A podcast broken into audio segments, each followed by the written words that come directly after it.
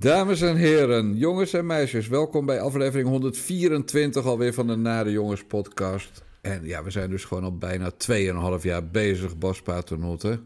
Ja. Hey, en vandaag doen we een Toxic Special. Want het is allemaal heel giftig. Maar we beginnen met eh, groot en goed nieuws voor oudere mensen in Nederland. Ze hoeven nog niet dood. Want wie vertrekt er vandaag, of althans maakt haar vertrek bekend? Corine Ellemeet. Ja, de jonkvrouw die, eh, die stuurde vlak voor opname een, eh, een Twitterbericht waarin ze zegt dat ze opstapt, of het opstapt, dat ze niet terugkeert eh, na de verkiezingen. Ze is in 2014 is ze begonnen. Als Toen viel invaller. ze- Toen viel ze in Ja. voor Linda Voortman, die is nu wethouder hier in Utrecht. En in 2017 werd ze voor het eerst, zeg maar, echt Kamerlid. En 2021 was ze de nummer twee van Jesse Klaver. En ik vermoed dat dat eh, een van de redenen is waarom ze niet eh, terugkeert. Omdat nu PvdA en GroenLinks samen die lijst gaan maken. Eh, ja, en dan heeft zij geen uitzicht meer op, op, op wat dan ook qua fractievoorzitterschap of zo. Dus het is natuurlijk niet geheel toevallig dat ze, dat ze opstapt. Nee, ik terwijl, ben aan de, terwijl aan de andere kant past deze eh, combinatie met PvdA haar wel. Want zij heeft een paar jaar terug een NRC... Of nee, ze heeft een hele toespraak heeft ze gehouden zelfs. Een lezing waarin ze met zoveel woorden zei van eh, Femke Halsema... dat is eh, een vrijzinnige neoliberaal. En daar wil ik niks mee te maken hebben. Dus zij, is- echt van een... eh, ja, nou ja, zij is dus geen Femkenista. En eh, meer, meer dat, dat, dat, dat, dat fel linksere eh, GroenLinks. Dus dat ze gek genoeg zou dat dus dan wel er weer, weer bij, haar, eh, bij haar passen. En we kennen haar natuurlijk van dat ze bejaarden eh, wilde reduceren tot biomassa. Daar heb jij vaak over geschreven. ja, zijn niet haar woorden die je nu citeert. En Mm. we gaan het nog over jouw manier van citeren Ja. straks. Eh, en over bejaarden.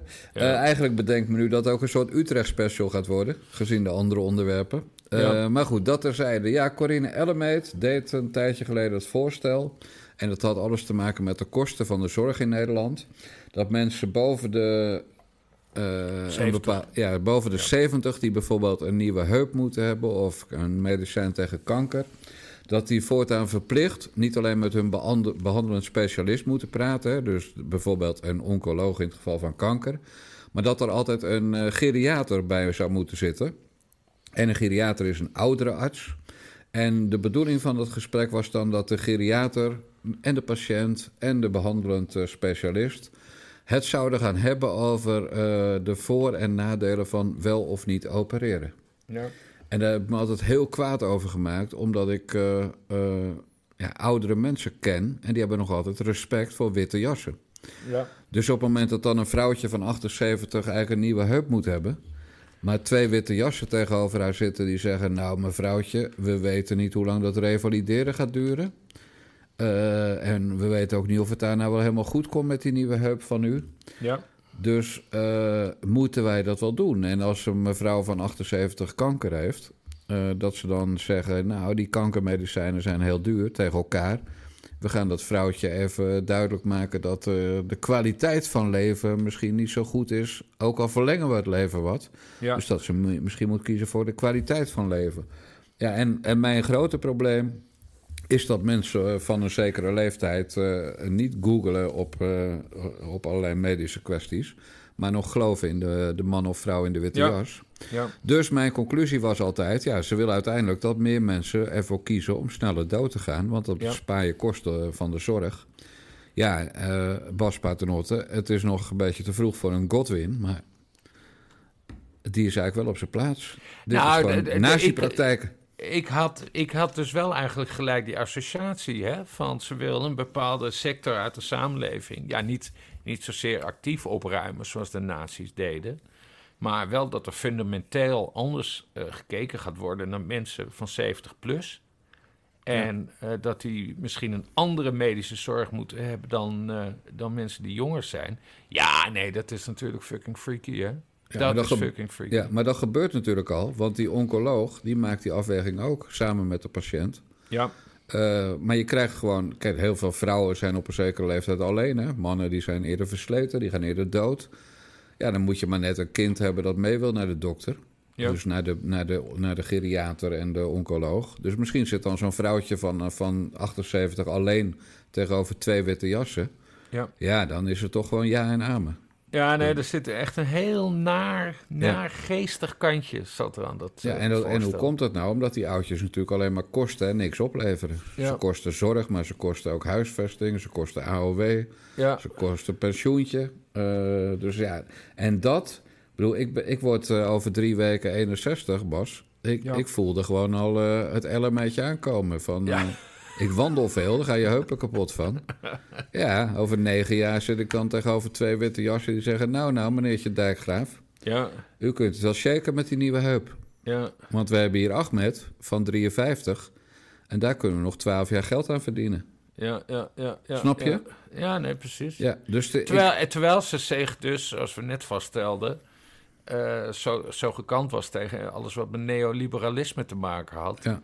Is het opruimen van bejaarden juist een vorm van neoliberalisme en efficiëntie en eh, eh, optimaal gebruik maken van, van de, de werkkracht dat bedoel ik. in de En- natie. Ja, jij hebt natuurlijk de volle drie kantjes gelezen. Die dichtgetikte drie kantjes die ze stuurden bij die tweet. Maar ik alleen het eind en het begin, want zo ben ik. En ik Ja. zag ook nog ergens dat ze eerst een tijdje rust ging nemen. En nou, nou heet ze natuurlijk eh, je jongvrouw Corinne de Jonge van Ellemeet. Ja, Dus dan veronderstel ik maar weer met mijn simpele ziel, die heeft geld zat. ja. Maar die gaat natuurlijk gewoon weer wachtgeld trekken, Bas Paternotte. Ja, wachtgeld en dan misschien een, eh, een boek schrijven. Wat mij, wat mij meeviel, ik dacht van... Zo, eh, oh god, er komt er vast weer iets over, over, over misogynie en vrouwenhaat en zo. Maar geen woord. Dus ze is niet mee gaan varen op die, eh, op die vrouwenhaat-hype... die rondom Sigrid Kaag hangt. Dat vond ik eigenlijk dan wel weer verfrissend qua afscheidsbrief. Daar heb je dan gelijk in. Ja, Maar misschien komt er nog een afscheidsinterview bij Op 1 als dat weer terug is op tv. Want Ja, Op 1 ja. heeft nu zomervakantie, acht weken lang. Er gebeurt niks in het land, hè? Nee. Ik, Eh, weet, ik heb me trouwens, dit is echt iemand die. eh, ik weet dat jij zo gebrand bent op mijn linkerlijstje. Ja. Ehm zij heeft een tijdje mijn linkerlijstje gestaan. Want ik weet nog dat zij in 2014 als vervanger in de Kamer kwam. En toen was ik best wel fan van haar. Want zij, ze was best wel goed in het debat en zo. En ze was ook heel geestig en dergelijke. Eh, maar zij is echt eh, van mijn linkerlijstje eh, met, met donderend geraas gestort. Toen zij Sini Osdeel NSB'de, weet je nog? Oh ja, dat is natuurlijk haar grootste daad, ja. Dat is haar grootste daad Ja, geweest. Racistisch Osdeel- optreden. Ja, Sini Osdeel die zat niet lekker in, in de fractie. Hij heeft toen een, een gesprek met Jesse Klaver aangevraagd. Sini Osdeel heeft toen iets extreems doms gedaan. Hè? Ik, daarom Ja. noem ik hem altijd Kleine Nixon. Hij heeft dat gesprek namelijk eh, proberen op te nemen, maar dat mislukte. Eh, maar goed, Sini had een, ik mag Sini zeggen, Sini had een vertrouwenspersoon in de fractie. Niet een, dat is, later is dat een beetje gespind, niet netjes. Eh, want zij, eh, Corinne Ellemeet was niet een officieel vertrouwenspersoon of zo. Nee. Maar, maar hij zag haar als zijn vertrouwenspersoon. Ja. En hij heeft toen gezegd, Corinne, eh, het zit me allemaal niet lekker. En ik ben met Jesse wezen praten. En ik heb het proberen op te nemen met mijn telefoon. En het is niet gelukt. En, en ja, ik weet het ook niet zo goed. Wat moet ik nou doen? En Corinne heeft hem waarschijnlijk een schouderklopje gegeven. Ach ja, Cindy, het is allemaal zo erg. En weet je wat, ik ga wel even een kopje koffie voor je halen. En toen is ze naar buiten gelopen, het hoekje om, naar de Kamer van de Fractievoorzitter. En toen heeft ze tegen Jesse Klaver gezegd: Zeg Jesse, wist jij wel dat Sini jou heeft proberen af te Ja. luisteren met zijn telefoon? En toen eh, is eh Sini Osdeel eh, uit de fractie gezet. omdat die grens, dat was e- een van de eerste gevallen waar die term viel in de Kamer. omdat hij grensoverschrijdend gedrag had vertoond. Dat was natuurlijk ook zo. Maar Ja, maar wat een naaistreek toch? Ja, Dat, nou ja, dat, je, dat je echt... Ook een nazi-streek eigenlijk. Ja, het zit een Ja. beetje in bij die, eh, bij die, eh, die jongen van Elemet, of wat ik voor ze heet. Ja, de jongen van Allemeet. Jong, jongvrouw. Ja. Jongvrouw. Ja. Ja. Eh, nee, goed. Eh, ik was eh, bang dat ze zelfs zou doorstoten naar, eh, naar lijsttrekker als die fusie er niet kwam. Ja. Maar goed, dat is, nu, eh, dat is nu uitgesloten. Want het was inderdaad wel een welbespraakte mevrouw. Nou, en als Ja. je dan kijkt dat de PvdA Adje Kuiken op één heeft op dit moment. Oh, potverdorie. Gaan we Hè? het zo over hebben, Adje. Over, over welbespraakt gesproken, of Ja. gebrek daaraan. Met die rode vlekkennek van haar. Echt verschrikkelijk. Hey, eh, ik las trouwens dat, uh, dat, dat ergens een rekening van iemand, een Duitse blogger, was een rekening van ge, geblokkeerd omdat hij een uh, minister dik had genoemd. En die minister die is dik. Dus we moeten een beetje uitkijken met, als bijvoorbeeld Frans Timmermans, dat we niet gaan zeggen dat hij morbide obese is. Ja. Maar dat we gaan zeggen, hij is vermeend morbide obese. Ja. Maar dat zegt verder niks over Frans Timmermans, dat hij morbide obese vermeend is. Ja. Uh, dus we zeggen dit meer dat u dan weet wie op de foto het is als u drie mannen op de foto ziet. Eén uh, met een baard uh, met wit haar en een rode puntmuts is dan een kabouter. en die met wit, die, die hele dikke met, met wit haar is dan de vermeende morbide obese Frans Timmermans. Ja, nou, ik, ik, ik heb het maar voor de helft meegekregen. Maar het was zelfs een, Duitse minister van Justitie, meen ik... die een blogger heeft aangepakt. Nee, staatsaanwalt, maar uh, de, de betrokken dikzak was uh, fractievoorzitter van de Groenen, dacht ik. Of leider van de Groenen. Oh, het was ook nog eens uh, de, de, iemand van de Groenen. Oh, ja. grappig. Maar ik zie Frans Timmermans daar ook wel voor, voor aan, hoor. Ja. Om... om om hem onwelgevallige journalisten eventjes een tip proberen een tikkie uit, uit te ja, delen. Dan belt hij gewoon Dylan en dan zegt hij Dylan keihard aanpakken dat tuig. En dan belt. Dylan met de bank en dan is je rekening geblokkeerd. Zo werkt dat inmiddels. Ja, nee, dat gaat Timmermans zeker doen. Maar nog meer denk ik dat hij het andere voor, voor zich laat doen. Ja. Dat Diederik Samson meekomt en dat hij dan de trekker mag overhalen. Ja, ja, Goed, we zijn al een beetje over de PvdA en GroenLinks aan het lullen. Maar laten we dan eerst even naar de, een, een Utrechter. Dus vandaar Utrecht Special. Een Utrechter luisteren die, uh, die daar zinnige dingen over zei. De Arbeid heeft nog meer leden, dat toch, de GroenLinks? Zeker. Ja, dus die zouden dan ook meer invloed moeten hebben op die gezamenlijke lijst? Ja, of? maar ja, misschien is de, de vrees die ik heb voor de gemeenschappelijke lijst... is misschien ook wel omdat ik geleidelijk aan bang word van onszelf. En ik zie natuurlijk dat het ledenbestand van alle politieke partijen in het land... maar ook die van de Partij van de Arbeid... steeds meer is een ledenbestand van hoogopgeleide mensen. Uh -huh. Die wel over mensen praten zonder een hoge opleiding... Uh, maar het eigenlijk niet meer voelen in de praktijk. Dat wordt veel extremer met de samenvoeging met GroenLinks... omdat dat vooral een partij is met heel veel hoogopgeleide mensen. Die hebben daar ook vooral hun leden zitten. En dus ontstaat er een steeds grotere blinde vlek voor de mensen die niet die hoge opleiding hebben. Op zich in een boek van een voorstander van uh, de uh, fusie zelfs. Mm. Marjolein Moorman, die is voorstander. Ja. Nou, ik niet, maar ik vind haar wel steengoed. Maar zij beschrijft ook in haar boek uh, Rood in Wassenaar... haar zorg over dat de politiek steeds een elitaire gehalte heeft.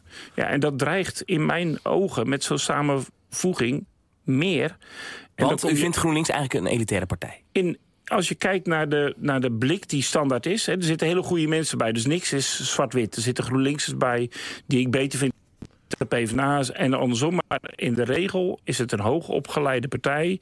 die vooral het uitgangspunt individuele vrijheid voorop zet. En met bang voor onszelf? Bent u dus bang dat die partij, die PvdA-leden, het onderspit zullen delven omdat ze... Ja, ook al omdat ik zie dat de nieuwe instroom van leden bij de Partij van de Arbeid... ook over het algemeen steeds hoger opgeleid zijn. Naar Hans Spekman wordt niet meer geluisterd, Bas. Nee, Spek... Ze gaan, ze gaan het gewoon doen.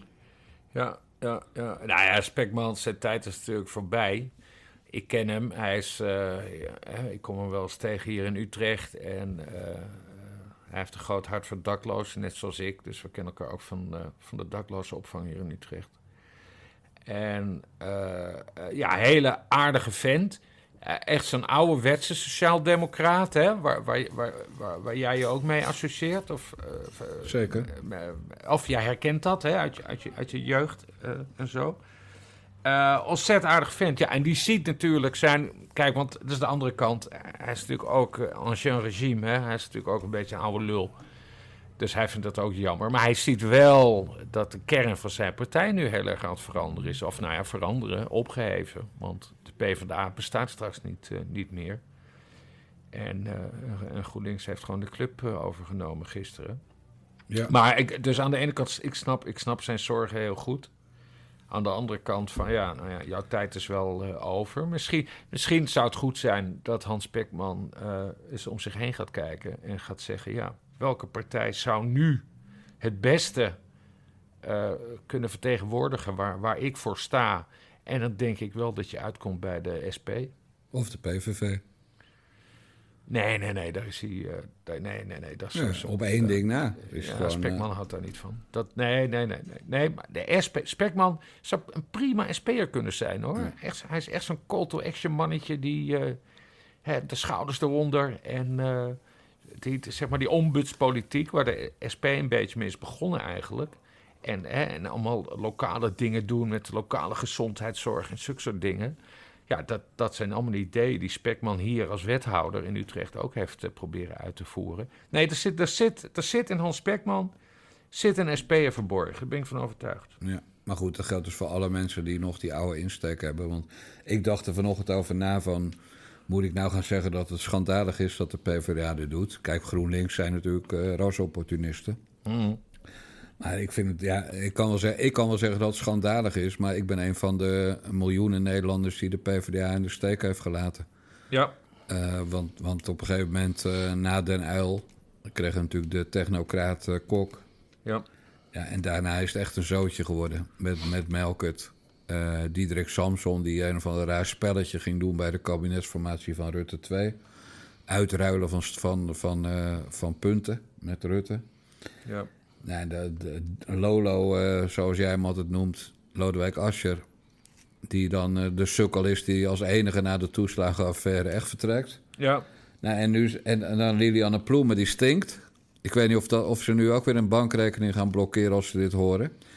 maar, maar ik weet dus uit zeer betrouwbare bron dat Lilianne Ploemen niet alleen stinkt als ze klaar is in de sportschool.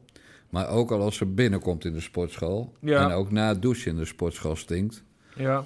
Nou, en, en dan tenslotte, De Marieke Koekoek van de PvdA. Ja, ja, zo moet je dat zien. Ja. Eh, en dan tenslotte Adje Kuiken.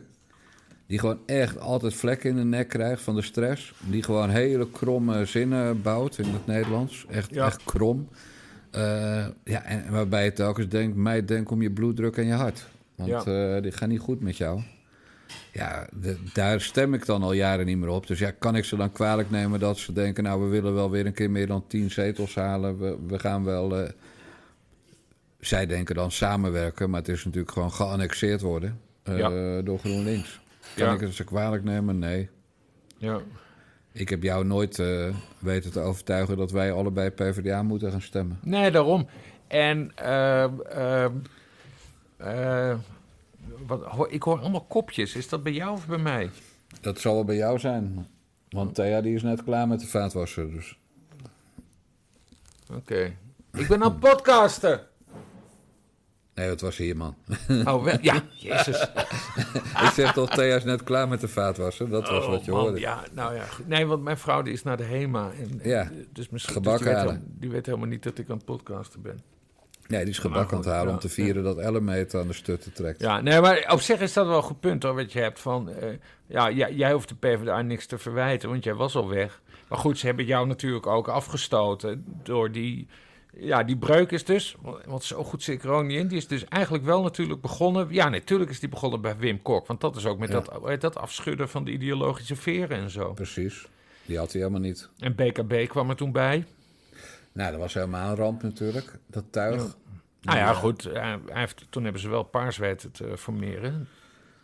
Wat Mhm. uiteindelijk weer puinhopen werden. Maar goed, Ja.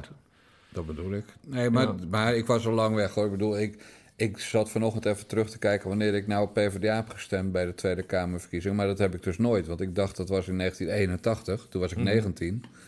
Eh, of in 82 toen, eh, toen het kabinet binnen een jaar viel en er nieuwe verkiezingen kwamen. ja. Maar dat was helemaal niet zo, want in die tijd mocht je pas op je 21ste eh, stemmen. Ja, Dus mijn eerste keer dat ik mocht stemmen was 1986. En toen was ik al 24, 23 jaar.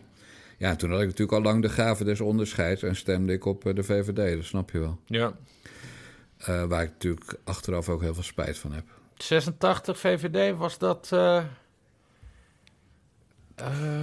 Ja, ik vrees uit Nijpels. ja, in Nijpels. Vrees wel. het raket. Ja. ja, maar wist ik veel eh, van die jonge jochies en zo, waar die vermeend en, Ja, en bla bla bla bla, wat ik al... Bas, ik heb een stuk of vijf bankrekeningen, sommige ook gezamenlijk, zoals met jou. Ja. Eh, kan jij me even leegtrekken voor de, voor de ellende begint? Want Ja, we krijgen ze allemaal achter ons aan gewoon. Dat, ja. Ja, eet je Ja. nijpels, weet je wel. Vertel nog Oh. even over dat jij... Dat, want eigenlijk heeft de PvdA misbruik van jou gemaakt. Want jij onder de leeftijd, dus als minderjarige... ben jij eh, actief geweest in het partijbestuur. Afdelingsbestuur, ja. Ik geloof Ja, dat je... Nou, dat, ik geloof ben je dat toch partijbestuurder, Ja, partijbaron, partijbaron Jan Dijkgraaf. in, eh, in, in de metropool Bergambacht.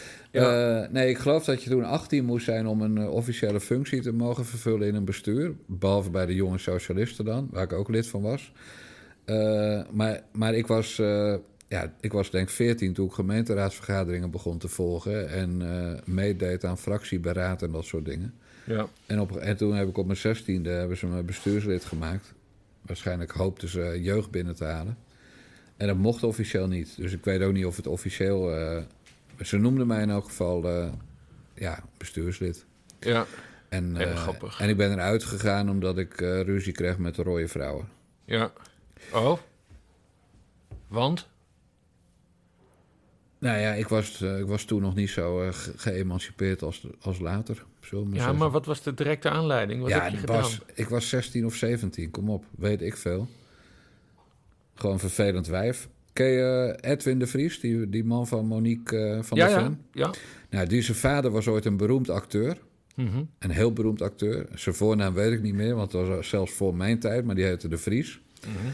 En de tweede vrouw van die eh, acteur, eh, die eh, woon, kwam ook in dat dorp wonen. En die had echt dat, eh, ja, die had, die had bij wijze van spreken toen al kort pittig haar. En van die Jan Jansen schoenen. Kortom, van, van die eh, echte rode vrouwen in de PvdA in die jaren. Mhm. Ja, en dat was gewoon een kutwijf. Kan niet anders zeggen. En dat heb je eh, haar gezegd. Nou ja, ik, ik ben natuurlijk, ik doe altijd natuurlijk alles net als Sigrid Kaag langs de lijnen van de inhoud. Dus, dus ik, ik denk wel dat ik het heb gezegd, maar niet, niet gewoon eh eh flamoeswijf. Nee, dat, dat, is, dat zou Nee. ik niet snel doen. Maar Nee. Nee, dus ik zal wel een puntje hebben aange, aange ja, misschien wel acht mensen gaat toch koken, weet ik veel. Ja, Eh, ja. Maar dat, ik was 16 of 17 of 18, ik heb geen flauw idee meer. Nee. Nou, mooi, mooi, mooi, mooi Ja. bruggetje naar het bejaardentehuis dit. Want je hebt het waarschijnlijk al meegekregen. Ik kreeg gisteren het hele fucking bejaardenhuis van Twitter achter me aan. ik heb het gezien, ja. Vertel voor de mensen die niet op Twitter zitten en wel een leven hebben. Nou, ik zat die persconferentie, of persconferentie, ik zat eh, die, bij- die bijeenkomst te kijken van PvdA en GroenLinks, dat de uitslag van het Ja. referendum kwam, bla bla bla. Nou, en toen tweette ik, het is erg moedig dat Kuiken niet te beroerd is om de geschiedenis in te gaan als de vrouw die de Partij van Drees weggaf aan de havermelk cappuccino drinkende Tesla-rijders van GroenLinks. En dat meende ik ook, hè? Want, Ja. want er is nu geschiedenis geschreven. En Adje Kuiken, die heeft dus echt de moed gehad om te zeggen: nee, ik sta hiervoor. Dus ik Ja. sta ervoor, want eh, het is natuurlijk een fusie. Het is nu één lijst, maar het wordt uiteindelijk een fusie. Ja, En de PvdA wordt dus opgeheven. Nou, en, en zij is degene die, die dus die, die, die honderdjarige traditie, ja, daar een einde aan maakt. Vind ik moedig van haar. En eh, die quote over havermelk cappuccino drinken de Tesla-rijders, die is natuurlijk niet van mij. Want Nee. mij is niet de gave van het woord gegeven. Hè? Ik, ben, ik, ik ben helemaal niet zo grappig. Ik kan zulke dingen niet bedenken. Nee, dat is een quote van vorige week in de Volkskrant Simon den Haak. Hè? Ja. Die, die topadviseur van eh, ooit Diederik Samson, eh, Wouter Wouter Bos Bos. en eh Lodewijk Asscher. Ja. En de Die man van van- een Kamerlid op dit En moment. man van, van, eh, van eh Henk Nijboer. Nijboer, Ja, Eh, het blozende Henkie, eh, ook zo'n Kamerlid voor de man. PvdA. Maar goed, ik vond, hè, daar heb ik dan ook een stukje Ja. over geschreven. We hebben het volgens mij ook wel eens besproken in een andere zeker. podcast. En gewoon, gewoon, gewoon heel interessant dat, dat, dat is Simon den Haak dus eh GroenLinksers... Hè, hij, Simon den Haak schrijft van... Ja, wij PvdA'ers, wij zijn eh Heineken-drinkers in een tweedehands autootje. En eh GroenLinksers die drinken havermelk cappuccino eh, en rijden Tesla. Dus ik dacht, nou ja, iedereen heeft dat gelezen die zich Ja. heeft verdiept hè, in, in wat er allemaal aan de hand was afgelopen weken.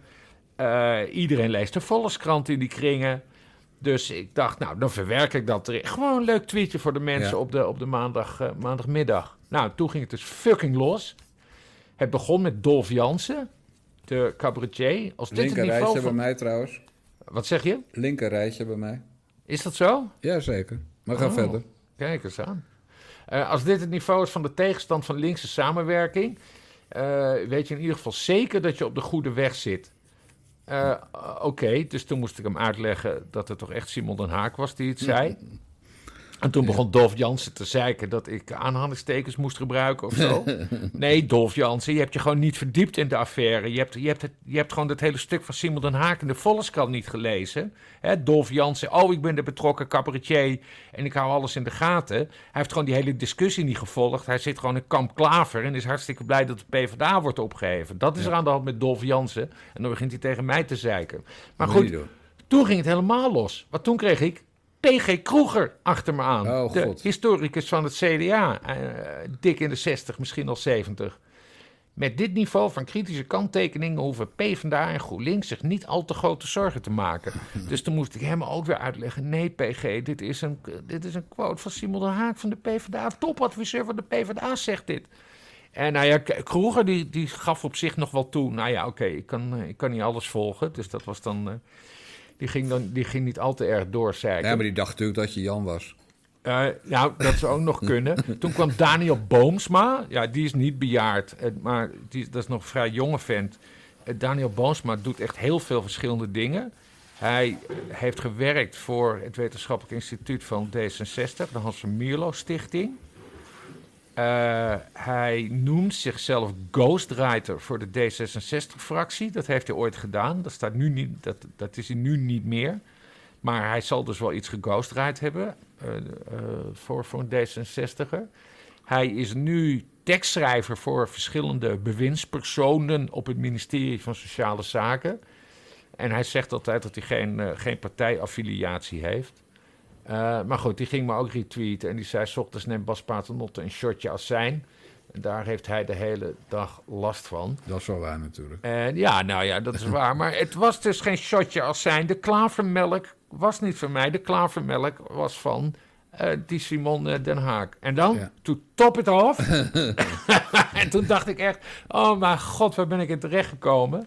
Henk Spaan retweet mij. Henk Spaan. Weesie, Dijkshoorn, Van Vliet, Prit en zelfs Nijman zouden proberen iets originelers te verzinnen dan die Tesla-rijder en zijn havenmerk. Stijl was ooit het fundament onder geen stijl. Nou, en toen moest ik Henk Spaan dus ook nog uitleggen eh, eh, dat ik het dus niet was, maar Simon de Haak van de P van de A. En toen begon Henk Spaan ook te zeiken over aanhalingstekens. Ja. En toen dacht ik, nou, dan ga ik, dan ga ik een heel klein prikje uitdelen naar hem weer. Hè, want had, een, had, vorige maand stond hij voor een eh, postkantoor in Frankrijk. Want hij woont in Frankrijk. Had hij een selfie gemaakt van zichzelf voor het postkantoor. En had hij Mark Rutte gementiond van... eh, kun je niet aan je, aan je, aan je bestie eh, Macron vragen... hoe je ook postkantoren in Nederland open kan houden...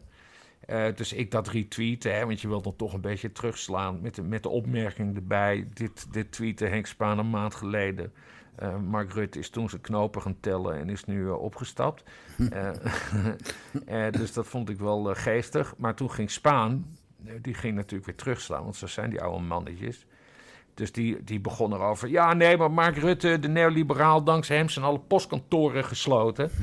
En toen zei ik weer tegen hem van, ja, maar goed... ehm, eh, oh nee, nee, alle postkantoren zijn natuurlijk geprivatiseerd. En toen zei ik, ja, maar daarom hadden ze jou ook bij eh, DPG... Nee, het heet niet DPG. T- ja, nee, ook, het heette vroeger TPG, Ja. meen ik. Eh, dus ik zei van, ja, ze hadden jouw commissaris bij TPG moeten maken... in plaats van Wim Kok, want dan waren er nu nog postkantoren geweest. en toen zei hij, "Hè, TPG, wat is dat? En toen moest ik hem dus uitleggen, want hij was begonnen over de PTT. En, maar de PTT is geprivatiseerd. Toen werd het TPG, daarna werd het TNT. En nu is het dus PostNL. Maar toen het TPG werd, toen kregen ze een lid van de Raad van Commissarissen. Want ze hoort dat bij beursgenoteerde genoteerde organisaties. En dat was Ja. Wim Kok. Ja, ja, ja. Maar ja, goed. En toen had ik zoveel feiten op Henk Spaan gegooid... dat hij zei, ik ga nu tv kijken. En toen, en toen zei een andere twitteraar tegen hem... want ik was het er ook wel klaar mee... die zei toen nog tegen hem... succes met het afstellen van je antenne, opa.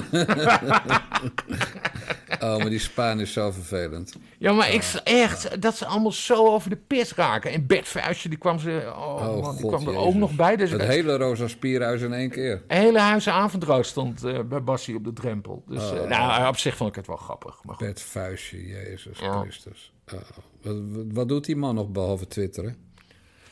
eh, eh, twitteren en hij woont in Amsterdam-Zuid. En eh, daar, daar, daar willen ze geen asielzoekers, meen ik. Daar, daar is een keer een stuk over geschreven. Nee, maar daar had dus Corinne Ellemeet wel wat aan moeten doen, vind ik. Gewoon mensen boven de 70 die nog woorden als bestie gebruiken... gewoon keihard van Twitter af laten flikkeren Ja. door, door de staatscensuur.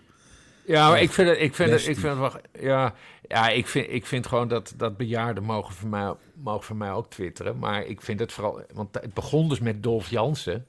Ik vind, die ook al 60 is trouwens. Ik ging googlen, hoe oud is Dolf Ja, Jansen hij is net eigenlijk? Maar 60 geworden. die is net 60 een geworden, is jouw leeftijd. En zijn tweelingbroer ook. Heeft hij een tweelingbroer? Ja? Ja, Wist je dat niet? nee? Wat ben jij toch slecht op de hoogte van zeg maar de Nederlandse topcabaretiers?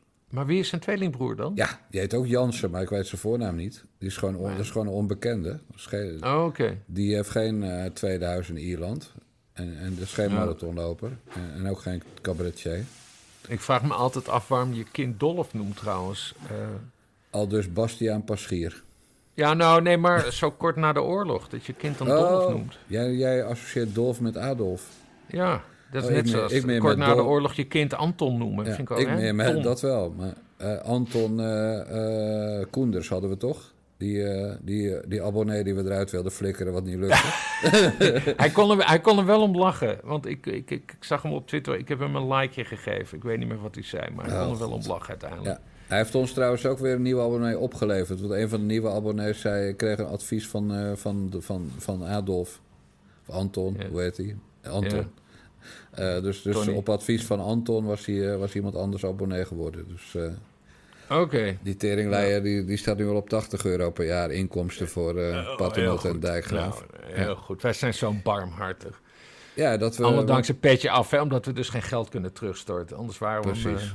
eh, Dus als je abonneert via petjeaf.com slash naar de jongens... en je hebt een tyfus, tyfushekel aan ons, en wij vooral aan jou... dan kunnen wij dus niet zorgen dat je eh, je donatie wordt teruggestort. En we kunnen dus ook niet Ja. zorgen dat je onze podcast... eh, die exclusief voor abonnees zijn... zoals Bellen met Basje en de Basje en Jan Moskee... dat je die niet meer kan beluisteren. Daar kunnen we allemaal niet voor zorgen. De techniek voorkomt dat. Ja. Dus, dus eigenlijk, ja, en dat is trouwens ook wettelijk zo, hè? Dat je geen klanten kan weigeren. Voor, eh, wist je dat? Nee, ik vind het wel mooi. Ik moet denken aan die rapper Little, Li- Little Kleine. Leeuw Kleine, ja. Die, die is een keer in een winkel, vond hij dat hij onbeschoft eh, behandeld werd. ja. En toen, en toen heeft hij uit wraak, hè, dat heeft hij toen op, op, eh, op Instagram gezet, heeft hij de hele winkel leeggekocht. Ja. Van pak aan, eikels. Hè, Om te laten zien van waarschijnlijk hè, dat vanuit een minderwaardigheidscomplex. Kijk eens, ik heb zoveel geld dat ik de hele winkel leeg kan kopen. Maar ik vind dat op zich wel, eh, wel geestig. Want wij zitten nu ook in zo'n situatie. Mensen die ons haten, hè, die, die, die kopen nu gewoon een petje. Die kopen allemaal een petje. Ja, van hier, precies. pak aan Dijkgraaf, pak aan Paternotte. Want jullie, Of- kunnen, en, jullie eh, kunnen het geld niet terugstorten, eikels. En nog één, hè? Kijk, hier, dat geld, pakken, aanpakken dat geld. En die, die krijg je. En, eh, en, en we willen helemaal geen geld van Dylan. En we krijgen natuurlijk... en dan, dan zitten we een beetje... mo- Dan gaat Huub Bellenmakers van zijn uitkering Ja. opeens 40 euro per jaar storten aan uh, petjeaf.com. Zoals naar de jongens. Ja, en, en, val, en valt, er, valt er in Eesterga een, eh, een enveloppe eh, op, de, op de mat met daarin eh 40 euro aan, eh, aan contanten. eh met Henk vriendelijk Spaan? goed eh B-vuistje Amsterdam. Oh, vuistje. Ja, ja, ja. En ik betaal nog met cash natuurlijk. Ja. Beduimelde briefjes van, van, van vijf gulden stuurt hij dan. Ja. Nee, die, Oh, vuistje, die vuistje schijnt boos op mij te zijn. Omdat ik ooit zijn bestie... eh, bestie hè? anders snappen ze het niet. Omdat Ja. ik ooit zijn bestie eh, eh, heb weggepest. Max Pam bij HP De Tijd. Ja, want jullie, jullie zijn bureauzwagers. Want jullie hebben beide aan dat Aan bureau. dat mooie van- bureau van HJA Hofland gezeten. Ja, ja. Ja, nee, dat Het klopt. hoofdre- hoofdredactioneel bureau. Wat trouwens een heel mooi bureau was trouwens. Absoluut. Waarvan jij het allemaal- belachelijk vond dat ik er afscheid van nam vrijwillig. Er staan, ja, maar er zaten allemaal vakken, vakken Ja, en prachtig, luiken. bureau, En, prachtig bureau. ja. Hoezo heb je er afstand van genomen? Dat weet ik Omdat ik wegging. Oh, dat je wegging. Nee, ik dacht even dat je aan een... Nee, want jij zat wel echt aan dat bureau, toch? Je hebt dat toch gewoon gebruikt als werk? Ja, natuurlijk. Ja, nee, daarom, bureau. ja. bureau was echt het beste van de hele redactie. Ja, oh, dat vreselijke kantoorpand toen. Ja, echt. Johan Muiskeweg, staan inmiddels appartementen. Oké. Ja, maar goed, dat allemaal terzijde. Hey, wij we, we zijn nu in Amsterdam beland en dat komt goed uit. Eh, wij zeggen wel eens van zo'n zo'n Sylvana Simons... die zou naar de psychiater moeten. Maar laat ik nou een fragment hebben gevonden... waarbij dat inderdaad gebeurt. Welkom Sylvana. Dankjewel, Glenn. Meestal als mensen een vraag hebben en ze doen dat bij een therapeut, dan eh, kennen ze elkaar niet zo goed. En wij kennen elkaar al, al wat langer. Ik probeer de tolk te zijn voor de vraag die jij hebt. Ja? Wat zou ik voor je kunnen betekenen? Ik eh, vind het moeilijk om een vraag te formuleren. Ik heb heel veel vragen. Ehm, ik ben denk ik ontzettend benieuwd naar hoe jij zou duiden. eh, iets dat een ontzettend belangrijke rol speelt in mijn leven. Al heel lang, maar de laatste jaren steeds meer. En dat is dat ehm, ik mezelf ervaar als een eh, hele, eh, heel emotioneel wezen. Dat heel veel voelt. En toch, eh, als je het dan veel mensen vraagt, zullen ze mij omschrijven als een harde vrouw. En ik denk dat, ehm, eh, dat het ook ja, een rode draad in mijn hele leven is geweest. De discrepantie tussen hoe men mij ervaart en hoe ik mijzelf ervaar. Ik ben heel erg benieuwd ehm, of jij daar, mij daar tot inzicht over kunt brengen. Ik vind die Glenn Helberg zo ontzettend slaapverwekkend, Bas Paternotte... dat ik denk dat jij het antwoord maar aan haar moet geven in plaats Ja, van hij. Glenn Helder, hij was ook zomergast ooit, meen ik. Oh echt? Jezus Ja. man. Wat Ja, een... ja. Nee, eh, Sylvana Simons, ja, nee, ze komt gewoon over als een harde vrouw. Er is niks mis mee. Ik ben trouwens een rete fan van haar. Hè. Ze staat bij mij op het linker lijstje. Zij is echt een verfrissende, verfrissende Caribische wervelwind in die... eh, Wij hebben er vaak zat complimenten uitgedeeld. ja, allebei. precies. En, eh, en ze doet allemaal hartstikke aardig. Alleen, ja, waar is ze nu mee door de mand gevallen? Ja, dat hele B1 in Amsterdam flikkert uit elkaar. En waarom is dat? Ja, omdat het een hele slechte partijleider is. Ze heeft het helemaal uit de hand laten vallen. Ja. En wat mega dom is... Ja, je zou het erbij moeten zoeken, maar iets zegt mij dat die ene zetel die zij in, eh, in eh, 2021 heeft behaald, eh, natuurlijk uit Amsterdam komt. Ja. Al haar stemmers en kiezers die zitten in Amsterdam. Ja, die zijn natuurlijk ook niet al te blij met wat er nu, eh, nu is nee, denk je dat het Eh, eindoefening wordt in de Kamer voor de... Ja, zou zomaar kunnen. Oh, wat va- gaaf man. Je hebt nu dus, want je hebt nu maar wat ze, wat, wat ze eigenlijk heeft gedaan. ze heeft nu bijna alle blanken uit haar afdeling. Nou, eigenlijk is de hele partij daar. Bijna alle blanken uit haar partij eh, gewerkt. Alleen Ja. Anja Meulenbelt is er nog. Nou ja, dat probleem lost zich vanzelf op. Want die is 105 geworden, geloof ik, vorige maand. Eh, en dan heb je nog die Freer. Nou ja, Ja. Dat, is, eh, dat, is een, dat is een soort, soort freak-achtige toestand. ja, niet heel belangrijk voor de partij. Vermeend freakachtig. Ja, een vermeend freak-achtige toestand. Niet heel erg belangrijk voor de partij. Dus dat, is dat is allemaal niet zo belangrijk. Vereer Verbeek of zoiets, of Verkade. Ja, maar er is echt iets, iets, ja, er is iets grondigs mis. Want Ja, maar- je die laatste twee fractieleden... die hebben dus een interview gegeven aan het Parool. Dan Ja. heb je die jonge JC Veldhuizen, die, eh, die is er dus mee gestopt. En er is een mevrouw, en haar naam... Milad Amadi.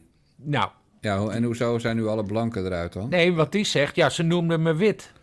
Ja, omdat ze niet zwart genoeg was. Ze was niet Ja. zwart genoeg. Ze noemde me wit, zegt ze daar. Oftewel, Ja. nou, maar echt zo erg is die partij dus. Hè? Want ze zeggen allemaal, oh, we zijn inclusief. Maar het komt er eigenlijk op neer dat je dus... Je hebt, je hebt zeg maar, het, het, het, het- hoe noem je dat in goed Nederlands? Het herrenvolk. Het, eh, niks. maar goed, de zwarte mensen, hè, die, zijn Ja. dus, eh, die moeten de baas zijn en de rest moet eh, luisteren. En, ja, ze moeten het helemaal zelf weten. Sylvana Simons mag het helemaal zelf weten. Maar volgens mij maak je zo niet een toxische... Of een, eh, zo maak je juist een toxische partij. Ja. En geen inclusieve partij. Terwijl inclusiviteit juist altijd het woord is waar zij eh, hard op gaan. Ja, en toxic, hè? Daar gaan ze ook hard op. Ja, daarom. Maar Alles ik haalde dus is toxisch en inclusie Ja. door elkaar. Want Nee, dat is, klopt. eh, Eh, in Den Haag is eerder al de hele afdeling opgestapt uit de partij. Nou, Amsterdam is dit de tweede jaar op rij ellende. Ja. Want die JC Veldhuizen, die was maar weer net beter gemeld. Want die had zich vorig jaar ziek gemeld. Ja. Ook vanwege dit. Die is eigenlijk eh, vaker ziek, zwak en onderweg dan dat hij aan het werk is. Ja. Die werd toen opgevolgd door een mevrouw Bons. Ja. Eh, en, en de naam klinkt misschien blank, maar is ook eh, aardig van kleur. Ja. En die mevrouw Bons, die moesten deze twee niet. En die moest de andere fractievoorzitter niet. Nou, het was kortom één grote vuile visitieversbende. Ja. Een beetje zoals bij al de mosl- moslimomroep altijd ging. Hè? Ja. Dat ze elkaar onder de tent uitvechten omdat ze net van een ander clubje zijn. Nou, en nu is er dus niks meer over, want de fractievoorzitter is opgestapt toen die Dina Bons kwam. Want Dina Bons moest de baas worden, volgens Sylvana Simons en eh, die, die Meulenbelt. Ja. Ik geloof dat Gloria Wekker er ook nog een rol in speelt. Oh god. Die, die bejaarde antropoloog eh, pot, Ja. vermeende pot. Ja. Bedoel ik? Oh, kut man, die bankrekeningen van ons. Echt? Ik, ga snel brood kopen vanmiddag en, en invriezen. Ja. Ja, hoewel de stroom zal ook wel afgesloten worden door het politbureau. Maar goed, die Bons mo- eh, moest dus de, de baas worden. Eh, En dat, dat was dus een vervanger. Toen zei de fractievoorzitter van toen, dat pik ik niet. Ik, ik, ik vertrek uit de partij. Nou, nu is J.C. Veldhuizen weer terug op de plaats van, van die Bons. Eh, en nu stappen Veldhuizen en die mevrouw Amadi eruit. Ja. Eh, en dan zeg ik mevrouw Amadi, maar ik weet eerlijk gezegd niet of Nielab net zoiets is als Nel. Hè, want we hebben natuurlijk Zwarte Nel in, Amst- in Rotterdam, In Rotterdam, voor eh, ja. Centraal Station staan. Maar ik ga er maar vanuit dat Nielab een vrouw is. Dus de- we hebben nu eh, ja, geen bijeen meer in de raad. Van drie naar nul zetels in, Ja. in, in anderhalf jaar tijd. Ja. Ja, toch knap. En, en je hoort Sylvana Simons helemaal... Ik heb zocht een fragment van nu. Zelfs AT5 besteedt er geen aandacht meer aan, Bas. Nee, nee, nee. Ja, berichtje, maar geen en je, maar je zou denken, hè, want het, het is best wel een redelijk overzichtelijke partij. Hè, hoofdzakelijk Amsterdam. Nou, je hebt een, eh, je hebt een goede tweede man eh, nodig, hè, die dan zo'n partij, eh, Ja. zeg maar, het, het, het, het, hand, het handwerk levert. Hè, een goede chief of staff, weet ik veel, noem het zo. Eh, en, dan, en dan moet je Sylvana Simons gewoon het ding laten doen. Maar ze hebben daar dus niet voor gekozen. En ja, nu is het één grote teringzooi. Ik vind dat wel knap, omdat het een heel overzichtelijk... Ik zou bijeen kunnen leiden samen met Sylvana Simons. En waarschijnlijk nog een tweede zetel erbij Ja. babbelen ook. Dat, Nee, eh, wat het mooie is natuurlijk, als, eh, als Sylvana Simons in de Tweede Kamer ziek wordt... en zich ook officieel ziek meldt... dan wordt ze vervangen door de nummer 2 van de lijst uit, 19 uit 2021. Ja. En dat is Quincy Gario. En die heeft ze ook uit de partij geflikkerd. Ja, Dus op het moment dat zij echt... Ze is natuurlijk steeds ziek, hè? Eh, maar op het moment dat ze zich dus langdurig ziek meldt... een omzichtje doet... dan komt Quincy Gario dus in de Kamer... eh, zolang zij ziek is. Ja, daarom. Nee, want ze heeft, Eh, ze heeft en- zich dus vorig jaar heeft ze zich één keer ziek gemeld. Want, want ze, ze kampt wel met iets serieus hoor. Want ze heeft er sowieso Ja, ja. last van reuma en eh, eh, long, long COVID. Maar ja, zij wist ook wel, ik kan, ik kan, ik kan me niet ziektewet ziek melden. Nee, dus toen heeft ze, nou, wat is de termijn? Je mag je, 16 weken, dacht ik. ja, nou ja, zoiets. Dus ze heeft zich daar keurig aan gehouden, omdat ze wist, als één dag langer...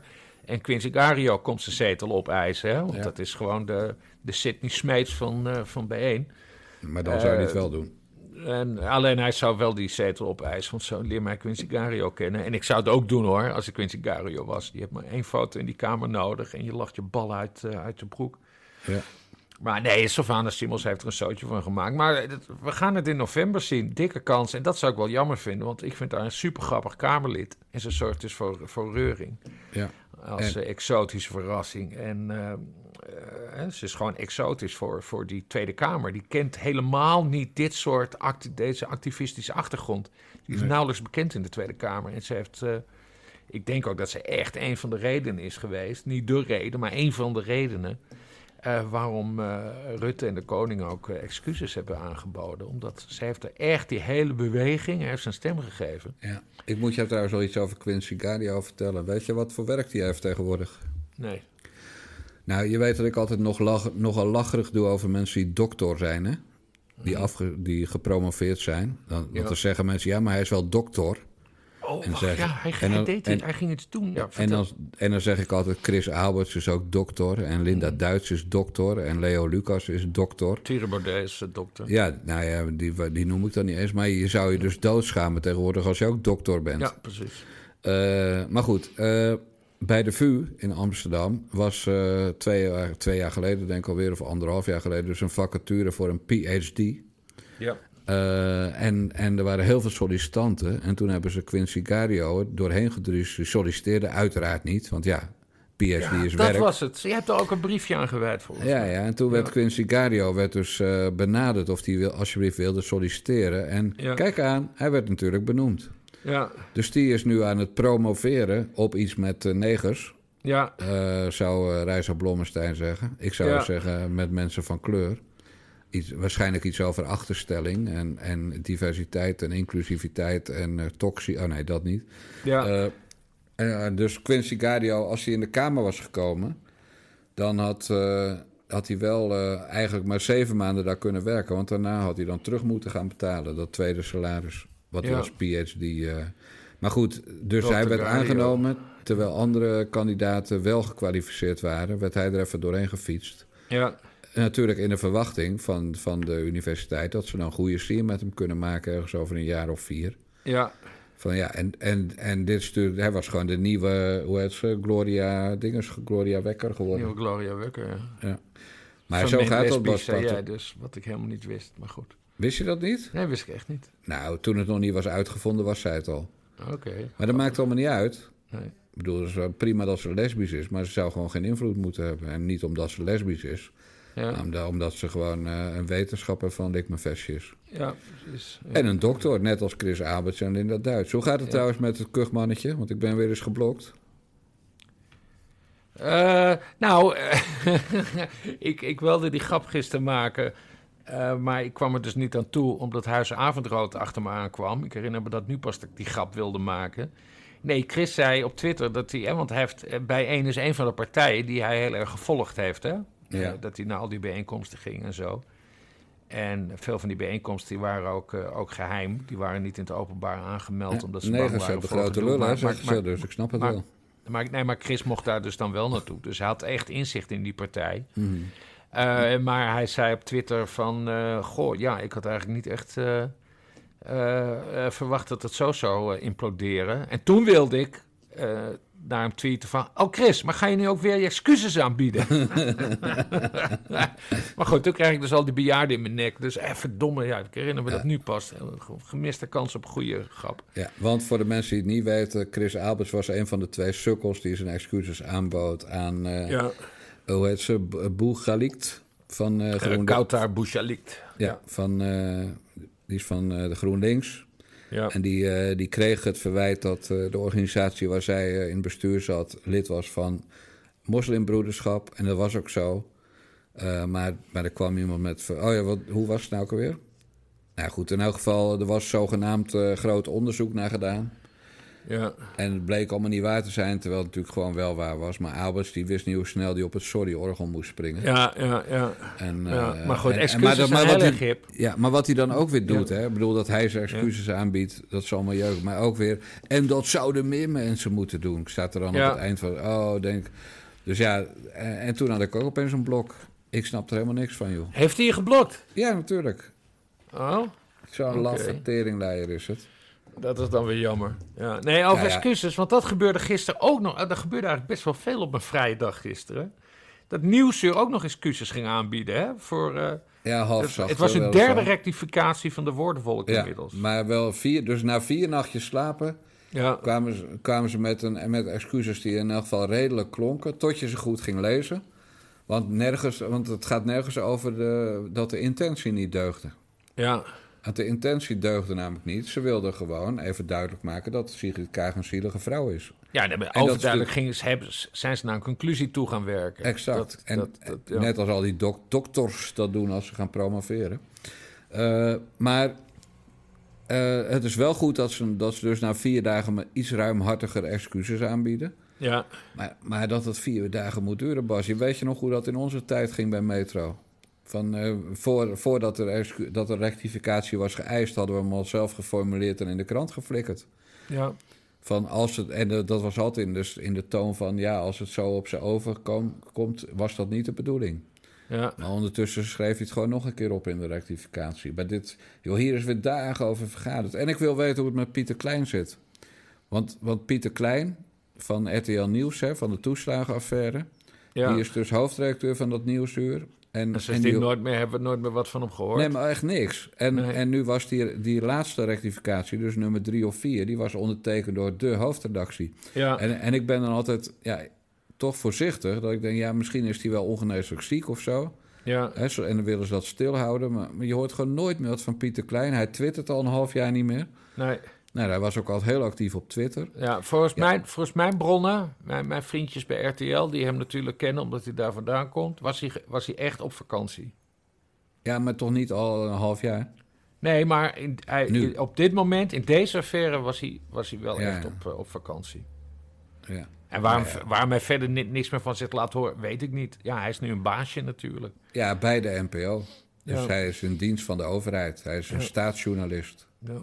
En hoe heet dat in Duits? Uh, in de staats... Geen idee. Ja, nou, Maar-. Hij werkt bij de staat. nee, hij is geen Goebbels. Dat bedoel ik niet, mensen. Echt. Ja, met op. zei je wel, Bas Paternotte. Nee, Klein is een hele goede baas en die heeft ontzettend Nou, dat was hard, hij. hard gewerkt. En ja, nou ja, goed, hij is... eh, Dit is onder zijn verantwoordelijkheid gebeurd en hij biedt halfzachte excuses ja, aan nee, na maar hij is nu manager geworden. Zo, zo, Ja. zo zie je dan goede journalisten veranderen in eikels. Soms. Ja, nou, ik vind dat wel een heel harde conclusie. Ja. Eh, nou, we hebben nog een, eh, een, een Utrechtse mevrouwtje aan de lijn. Eh, ik heb een oud fragment van haar opgezocht. Ze was gisteren in het nieuws. En de mensen moeten maar raden hoe ze heet. Ik heb in de lege ogen gekeken van iemand die het bezit werd van een ander. En op dat moment dacht ik, voor jou zal ik blijven vechten.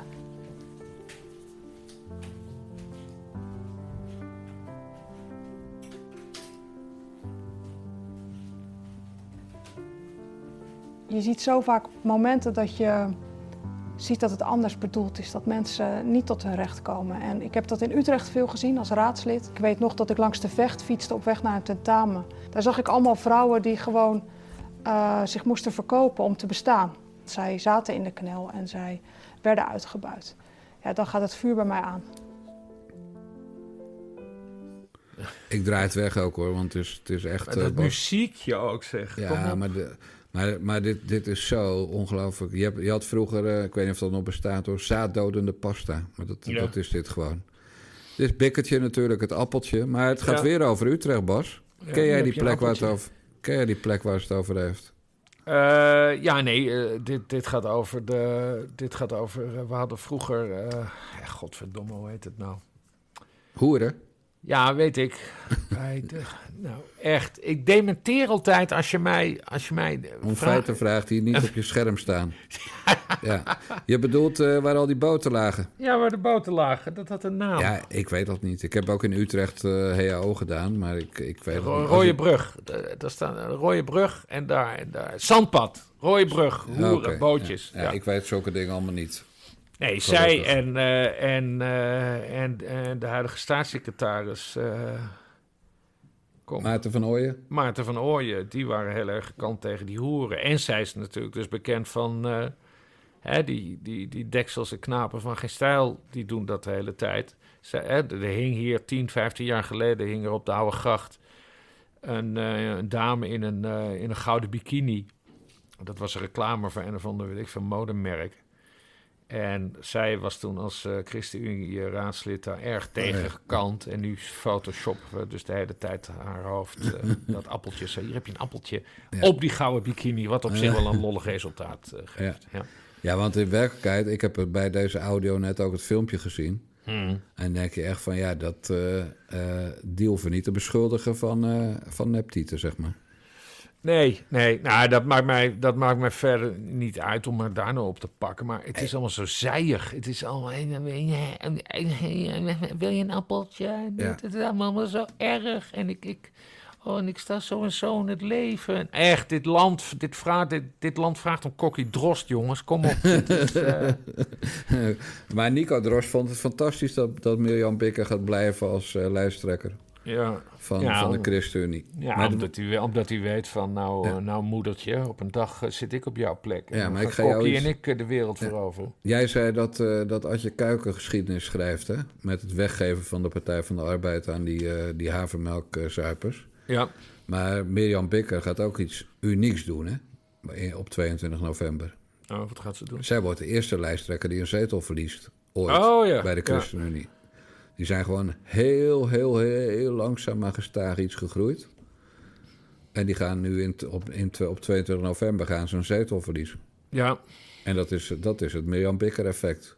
Ja. Daar kunnen geen miljoen miljard appeltjes tegenaan, Bas Paternotte. Nee, nee, dat is waar. Dat is waar. Tenzij ze heel subtiel, heel subtiel Kokkie Drost in die campagne een beetje naar voren schuiven.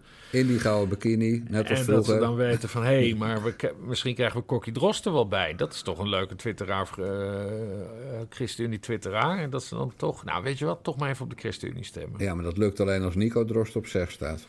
Want Ja. als Nico Drost er niet in komt, net als vorige keer uiteindelijk... Hè, is pas later als vervanger gekomen voor Segers... Maar als Nico Drost er niet in komt, dan gaat Kokkie Drost zich weer volledig focussen op de sekswinkeltje.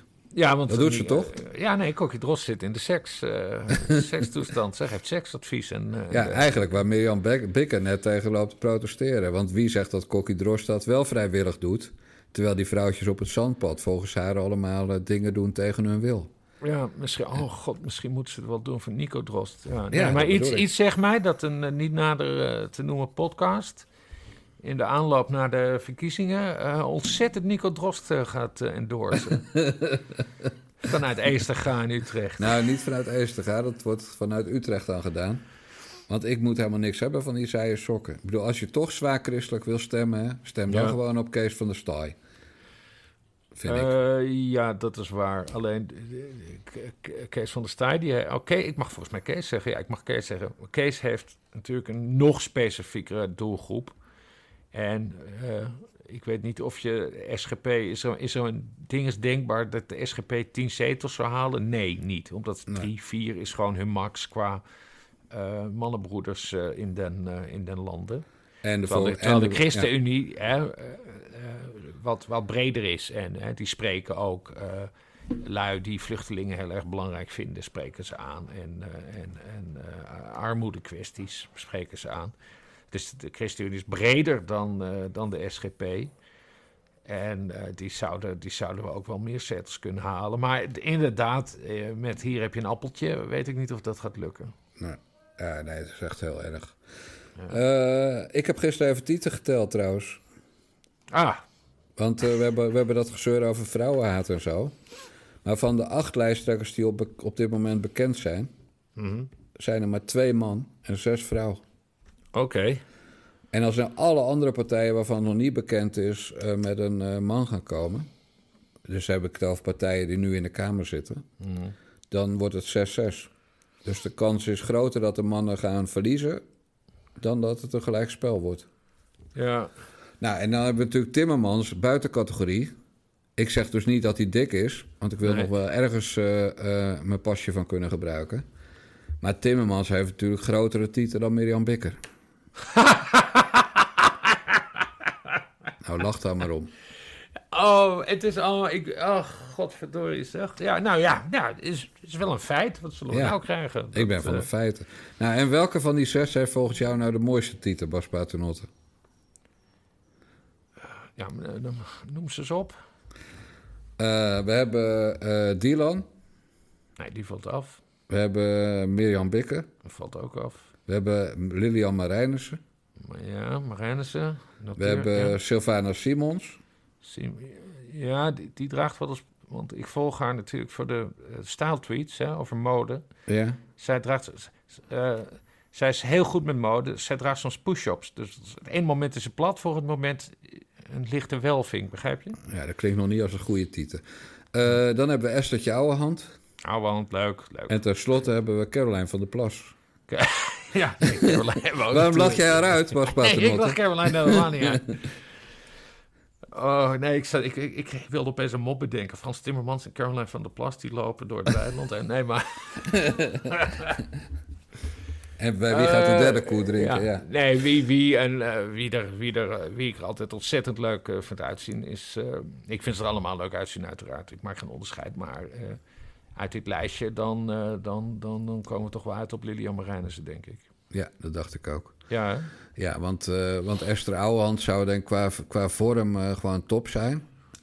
Maar ja, ik kan niet zo goed, niet zo goed tegen, tegen extreem wit. En, Ja. en dat lijkt me nou niet iemand die gezellig ermee gaat liggen zonnen met die boobies van haar. Nee.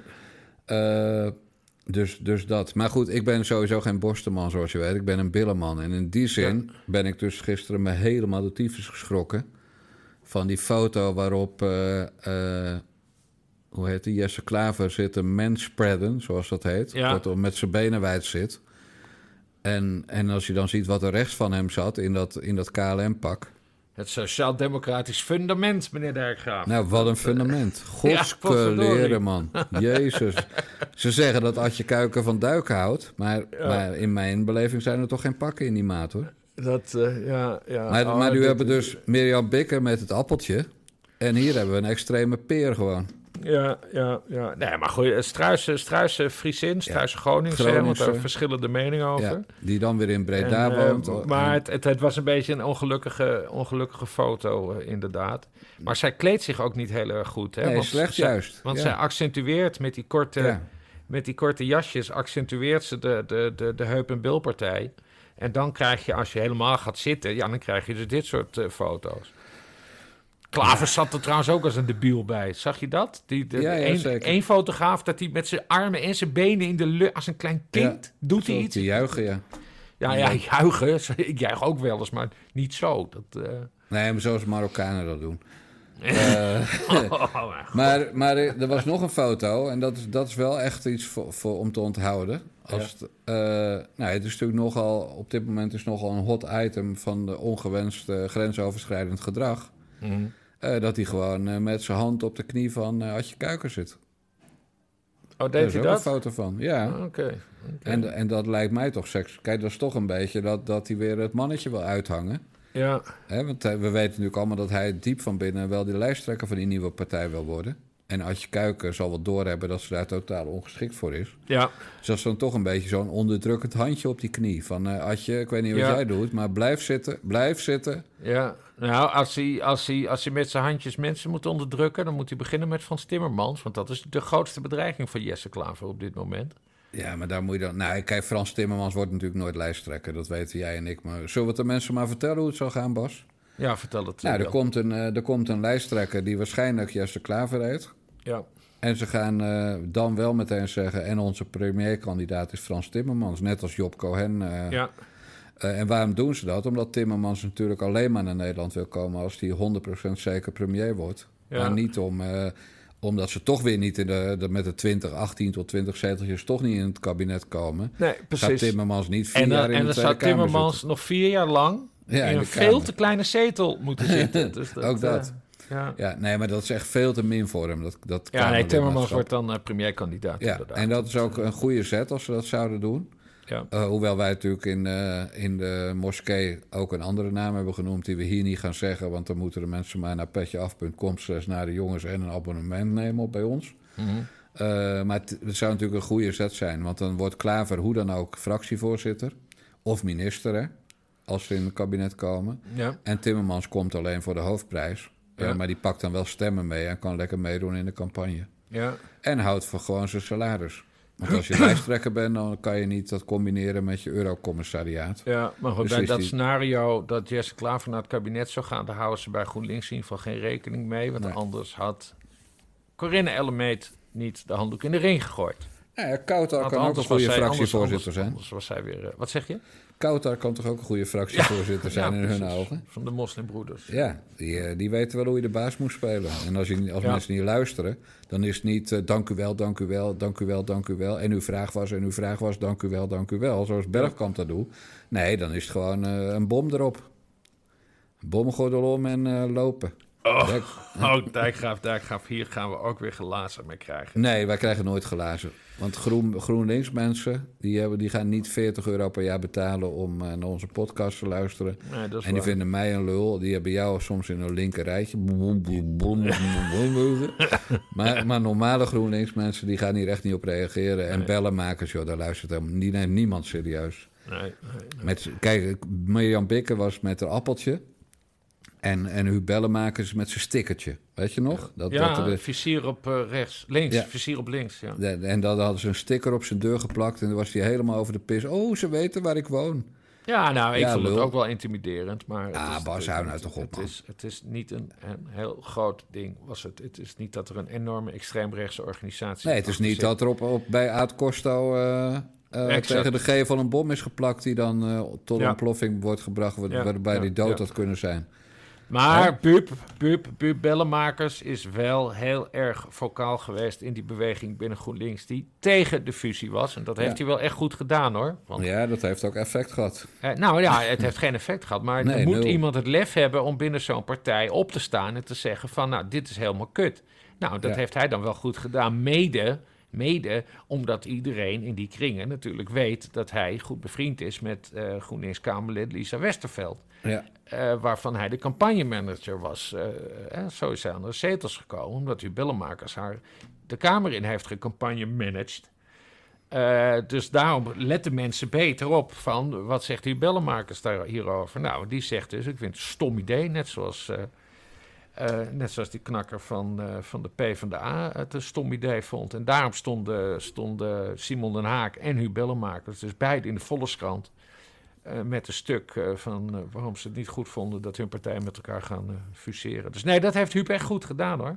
Hoe zal die gozer van de Volkskrant dat trouwens gedaan hebben bij dat verhaal dan, joh? Hoe bedoel je? Ah ja, om hem te citeren.